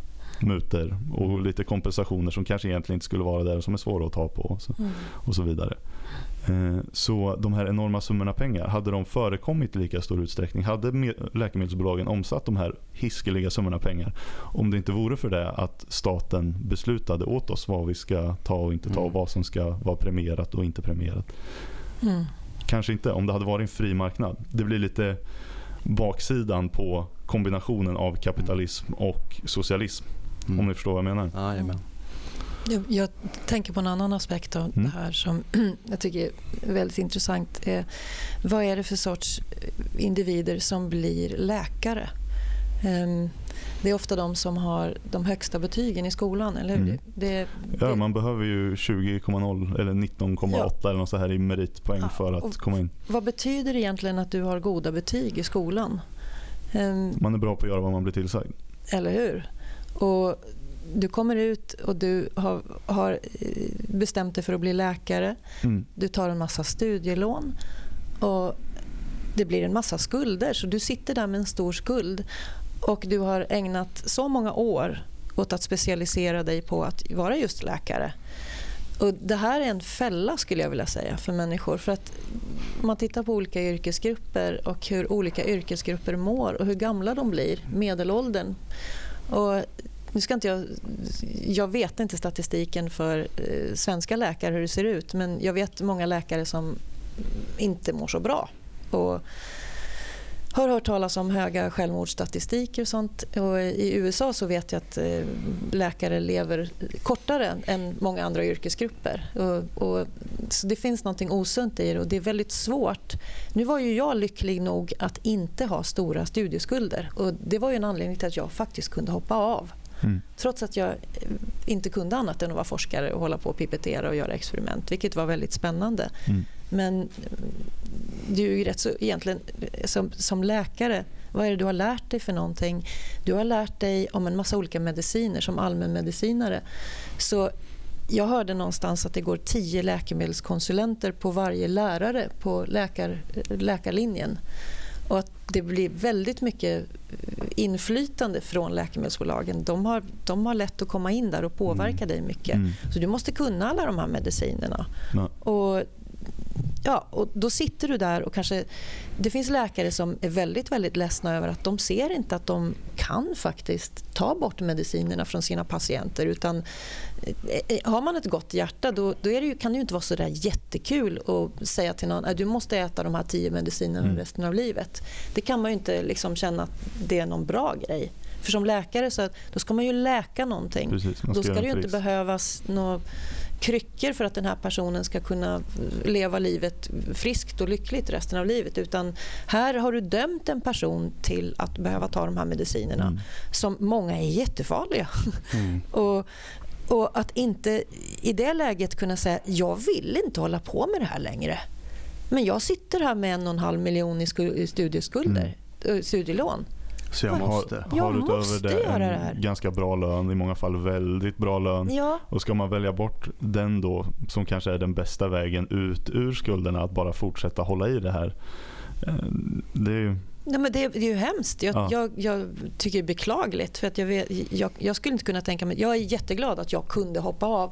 För jag hade inte studieskulder. Jag, hade, mm. jag behövde inte ta studielån för att ta mig igenom skolan. Mm. Så, så på det sättet var det, jag kan faktiskt gå ut ur det här. Men det var ju så svårt. För att jag, jag hade ägnat 20 år att ta mig till den punkten där jag var. Och jag var forskare och det var jättefint och jätteviktigt och allt möjligt så. Men jag var inte lycklig med det. Jag kände att jag vill göra något annat. Mm. Idag är jag mestadels trädgårdsmästare och det är ju en sån här yrkeskår som lever mycket, mycket längre än vad alla andra gör om man ska ja. titta rent statistiskt sett. Hålla på med naturen och odla och saker. skrota lite. Ja, men liksom, det är ju skönt. Odla blommor, odla grönsaker och hålla på med djuren. Jag, jag, har, jag har ett exempel i mitt liv. Det är min mormor. Hon är 81 eh, år. Och eh, hon är ja, hon, hon, är fysiskt så är hon banne mig nästan lika frisk som jag. Alltså hon, är, hon har väl lite så ålderstecken men, men i det stora hela så är hon otroligt välmående. Och eh, ute och rör sig. Hon går, eh, fan är det, cyklar två mil om dagen och går långa promenader och är igång och gör grejer ta med fan hela tiden och ute och reser världen runt och cyklar som sagt jättemycket. Och tar inga mediciner resor. heller? Eller? Jag, jag är inte så påläst men jag, jag, har inte hört talas om det. Eh, och då har vi ändå haft det på tal några gånger. Vad jag vet så är det ingen omfattande utsträckning i så fall. Mm.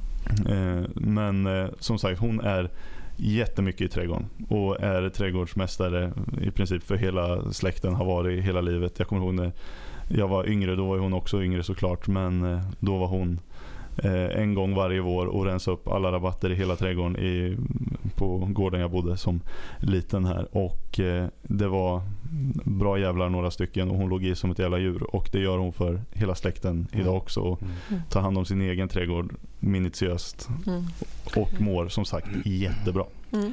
81 år gammal. Det är viktigt det där att någon gång bestämma vad vill jag göra med mitt liv? Jag gjorde ju det 2016. Då bestämde jag mig att lämna en del av mitt liv och gå vidare på någonting annat som gör att jag mår så mycket bättre efter det. Ehm, det här att jag... Att, eh, från att gå från ha en beroendeställning om att vara anställd till att bli egen och bestämma själv hur mycket eller lite man vill jobba. Och inte tycka att det är jobbigt att ta ledigt en tisdag bara för man jobbade, har jobbat som en tok i tre veckor. Alltså, det där är lite grann som att eh, jag vill ta ett glas vin idag. Jaha, det är onsdag eller det är torsdag. Ja, skitsamma. Jag behöver inte dricka på helger. Alltså det är det här. Det är lite samma tänk. Jag kan styra helt mitt, mitt eget liv. Och Ja, jag kanske tycker att det här är bra ett tag till. Det vet inte jag. Men sen så kanske kommer en dag jag vill göra någonting annat. Ja, men då gör jag det. För vad har hänt nu? Jo, jag har en gång tagit ett aktivt beslut att jag vill inte åka med på det här tåget. Jag vill göra det här istället och styra den här båten själv. Mm. Mm. Och Det är lite det du är inne på, att släppa vissa saker och göra det man tycker, det här trivs jag med, det här vill jag göra. Mm. Bara det här. Mm. Och jag tror också att man blir friskare och håller längre faktiskt. Mm. Och blir en trevligare människa. Ja, mm. absolut. jag kan bara titta på mig själv. ja. men livet, jag tycker livet det ska ju vara roligt. Jag menar, det är inte roligt alltid. Nej. Och Det kommer utmaningar. i, jag menar, som Vi driver ett lantbruk idag och, och vi har tuffa utmaningar emellanåt. Och Man måste ta tuffa beslut, men på hela taget så jag älskar det jag gör. Mm. Och jag, jag, tycker också om utmaningarna och ta mig igenom utmaningarna och säga att yeah, vi mm. kör. Liksom. Och att jag bestämmer över varenda minut i mitt liv. Mm. Det är ingen annan som talar om för mig vad jag ska göra Nej. eller inte. Och det är, det, wow, det är det bästa ja. som finns. Och Jag säger så här, eh, de besluten man tar kanske för att må bättre så behöver det inte vara så att man ska ha i mitt fall då, en bättre ekonomisk situation än man har haft tidigare. För att har du en ekonomi som gör att du klarar dig och du behöver inte oroa dig, då kan du också må bra. För den här jakten på pengar, den är inte den viktigaste utan man kan väl tänka på jakten på ett välmående istället som egentligen inte behöver vara en jakt utan man kanske ska anpassa sig till att mm. få ett mm. välmående. Mm. Jag tänkte säga jakt, det blir nästan, eh, det skulle antyda att man kan fånga det och nå målet. Mm. Det, för den, jakten på ett välmående tar aldrig slut. Den är en, en, konstant strävan som mm. man aldrig, man kan nå den men man kan aldrig sluta jaga den. För så fort du slutar jaga den då försvinner den. Mm. Det, det är som att man ska följa efter mm. välmåendet resten av livet på något sätt om ni förstår vad jag menar. Ja. Mm. Och jag säger inte att ekonomi inte är viktigt. Det är klart att det är det. Det är, det är jätteviktigt. Men, det, men eh, ekonomi, har du en stabil, bra ekonomi men också jobbar för att ha ett välmående och göra någonting som du till 100% trivs med. Men ändå som du säger, det är motgångar. Vissa dagar är jävligare än andra. Men det är bara det att det där, man borstar lite av sig det där så här, tjut, tjut, för att nästa dag vet man blir bra. Och har man inga dåliga dagar så kan man inte uppskatta eh, de bra dagarna. Nej, mm. klart det behövs. Mm. Så är det ju. Mm. Någonting som har kommit att bli väldigt viktigt för mig med åren eh, jag träffade en, en eh, eller intervjuade en, en, fantastisk man i Albuquerque för många år sedan. Och han lever det mest fria liv man bara kan tänka sig. Han har ett fantastiskt hus och han har flera väldigt fina relationer. Han bor tillsammans med flera goda vänner och vad de har för inbördes relationer spelar ingen roll. Men jag, jag frågar hur kan du leva så här och ha det så här fint och bra som du har? då säger han det, är bara, det handlar bara om att vara tacksam, säger han. Mm. Alltså, vad menar du då? Ja, men börja vara tacksam för saker och, och bara fokusera dig på vad du är tacksam för varje dag. Och Det där var ju väldigt svårt för mig då. Därför att Jag var förmodligen inte tacksam för någonting egentligen. Jag var en ganska bortskämd liten mm. varelse. Men det, där, det, där, det satte sig hos mig. Mm, jag ska lära mig det här med att vara tacksam. Och nu, idag, så jag har en liten sån här tacksamhetsdiet. Eh, varje dag så skriver jag ner minst tre saker som jag är tacksam för. Mm. Men jag upplever nu, som jag har gjort det här väldigt länge, att jag automatiskt tittar efter och söker mm. efter vad jag är tacksam i i en viss situation och hela tiden. Mm. Jag är tacksam för att jag har en, en kudde att lägga huvudet på mm. på kvällen. Jag är tacksam för att vi får mat varje dag, att jag har tak över huvudet, att jag har fantastiska vänner. Eh, jag reser inte speciellt mycket nu idag. Eh, men jag, jag, är fri och jag är tacksam över de här små sakerna i livet. Och, och det har blivit... Det, det är hela min det är hela min värld nu. Mm. Att, att varje dag är ett nytt äventyr. Jag vet aldrig vad som ska hända från dag till dag.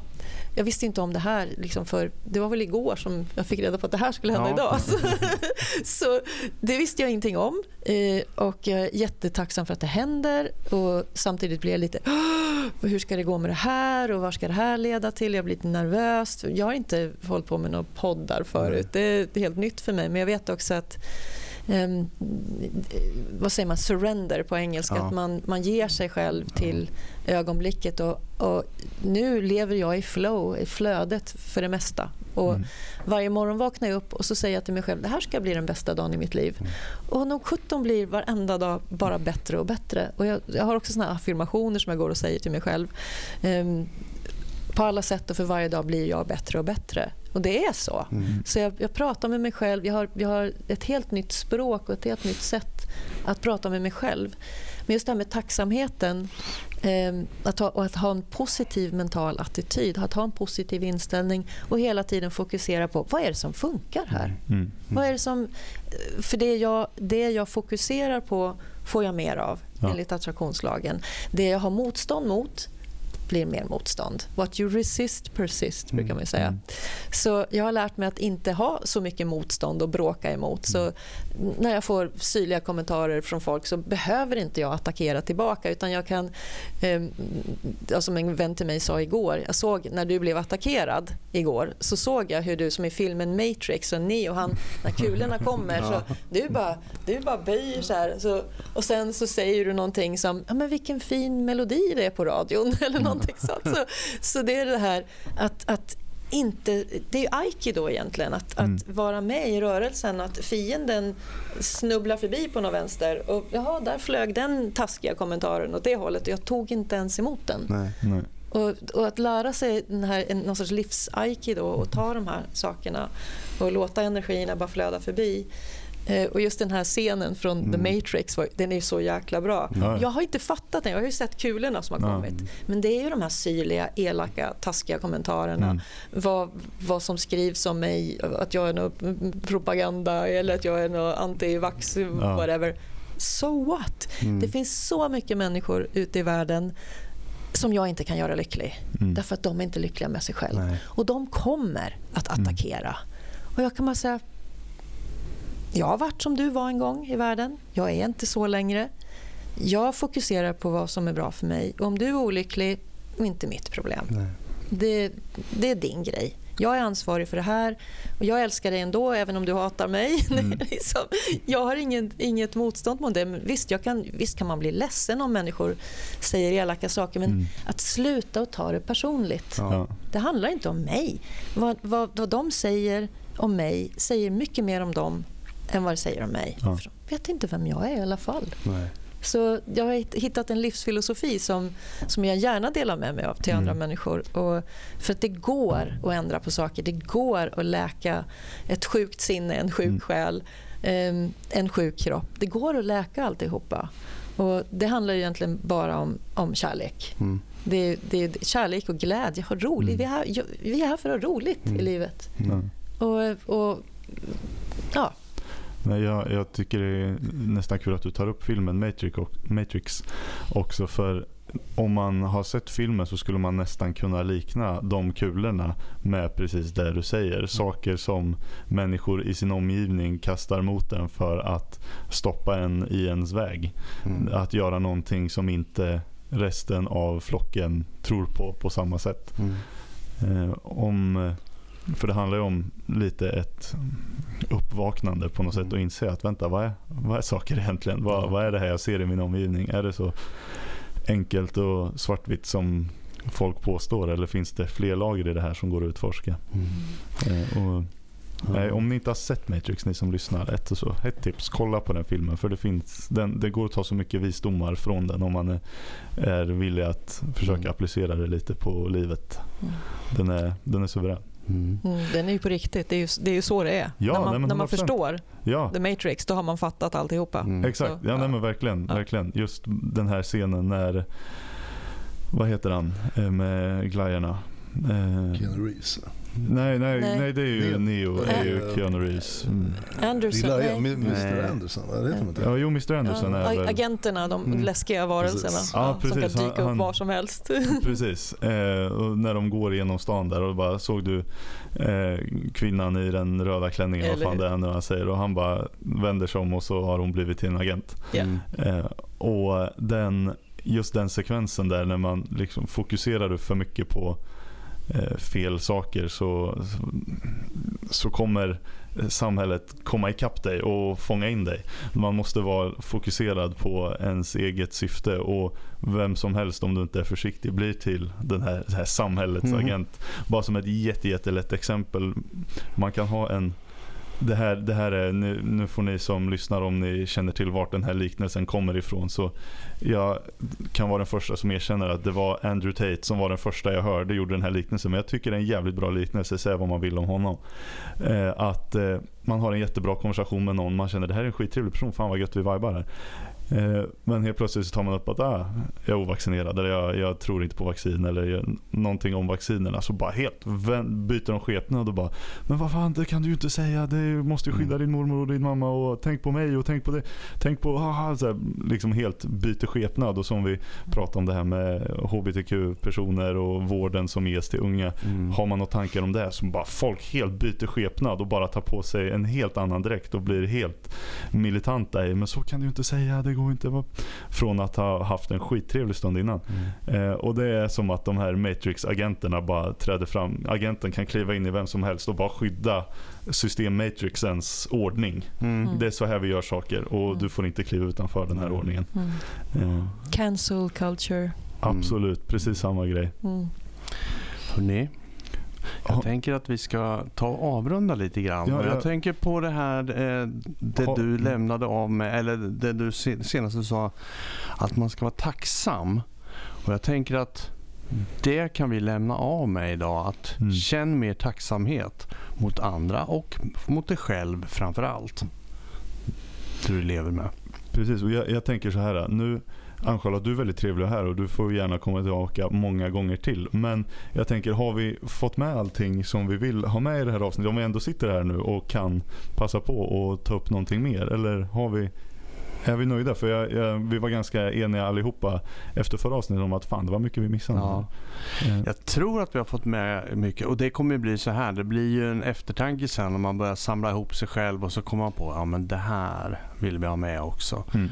Och vi vet ju hur vi får tag på dig. Jajamän. Ja, så du är så välkommen tillbaka. Mm. Tack. Jag tror vi har fått med, om vi ska göra lite resumé. Jag har varit tyst här för jag, jag har faktiskt blivit helt blown away. Alltså om vi som sitter här nu, som lyssnar på Ann-Charlotte och ni som lyssnar i radion det vi har fått höra nu, alltså jag ser så här, när, när, det, när mediciner och vi pratar om vacciner kommer fram. Jag ser som en, vi säger en 10-trappa här då, om man inte tar den här 20-trappan utan en 10-trappa. Vart börjar det? Det börjar precis där du var, i källaren på våning 1 där man ska då man har en tanke, man har en teori om någonting. Man har något litet uppslag till någonting. Där man börjar forska, man börjar planera, få in pengar, man börjar forska till någonting. Och sen går den här trappen uppåt. Du har ju varit med på liksom nivå nummer ett. Och det som hände dig, du hade lite omständigheter med, med din son och så här, men annars så det som hände med dig det var att du på nivå ett, där man då ska lägga grunden, där man ska ta fram bevisen för att det här funkar och där du ska lägga fram hela konceptet med det här vaccinet.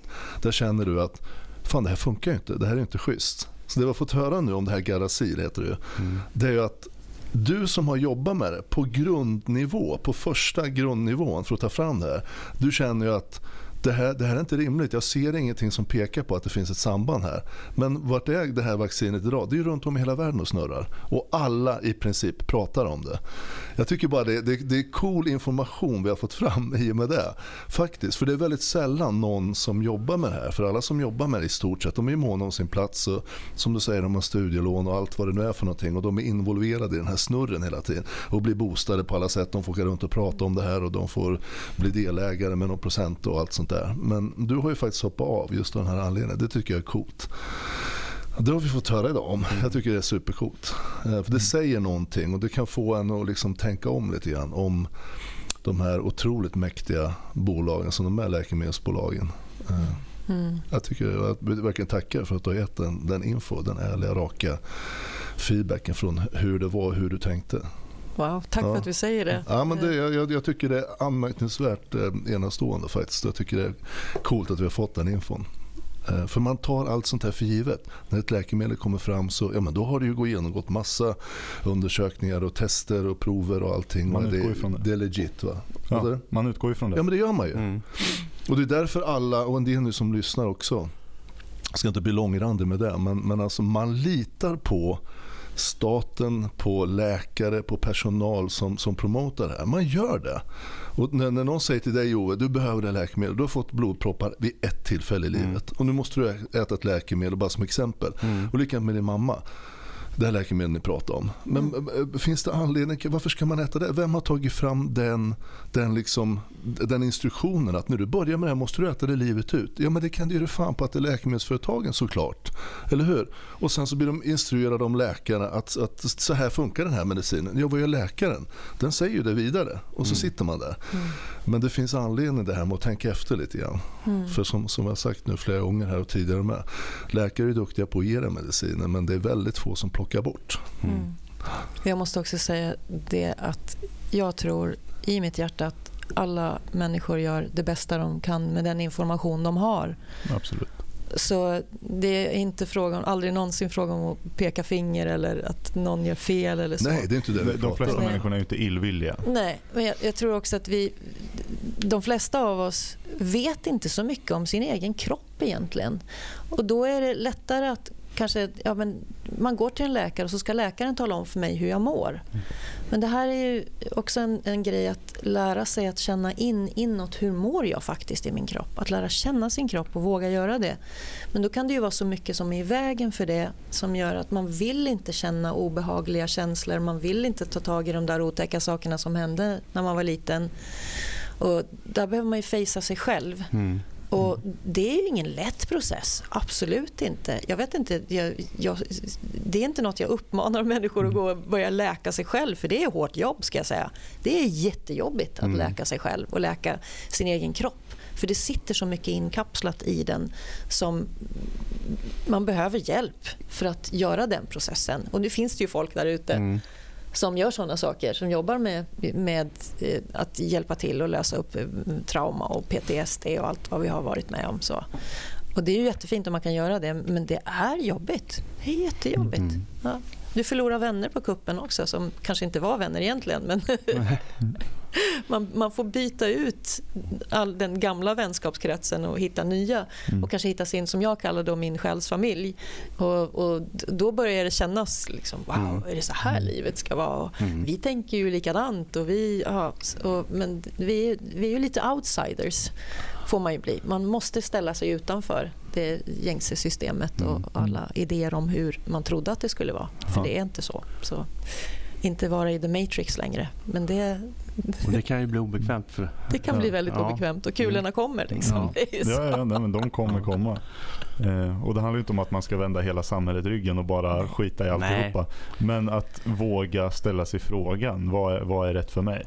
Ja. Mm. Exakt. Det var en bra fråga att avsluta med. Vad är rätt för mig? Mm. Ska vi avsluta med att säga på återseende?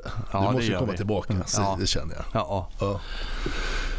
Tack hörni för att ni har tålmodigt lyssnat på oss och tack Ann-Charlotte för den här gången. Ja, tack. Så Tusen tack. snart igen. Ja. Ja. det är jag som ska tacka för att vara med här. Ni är ju fantastiska. Och så är ni rädda om er allihopa som vanligt ute så hörs vi snart igen. Ja, det gör vi. Ja. Ha det gott. Hej då. Ha det bra. Hej då. Hej.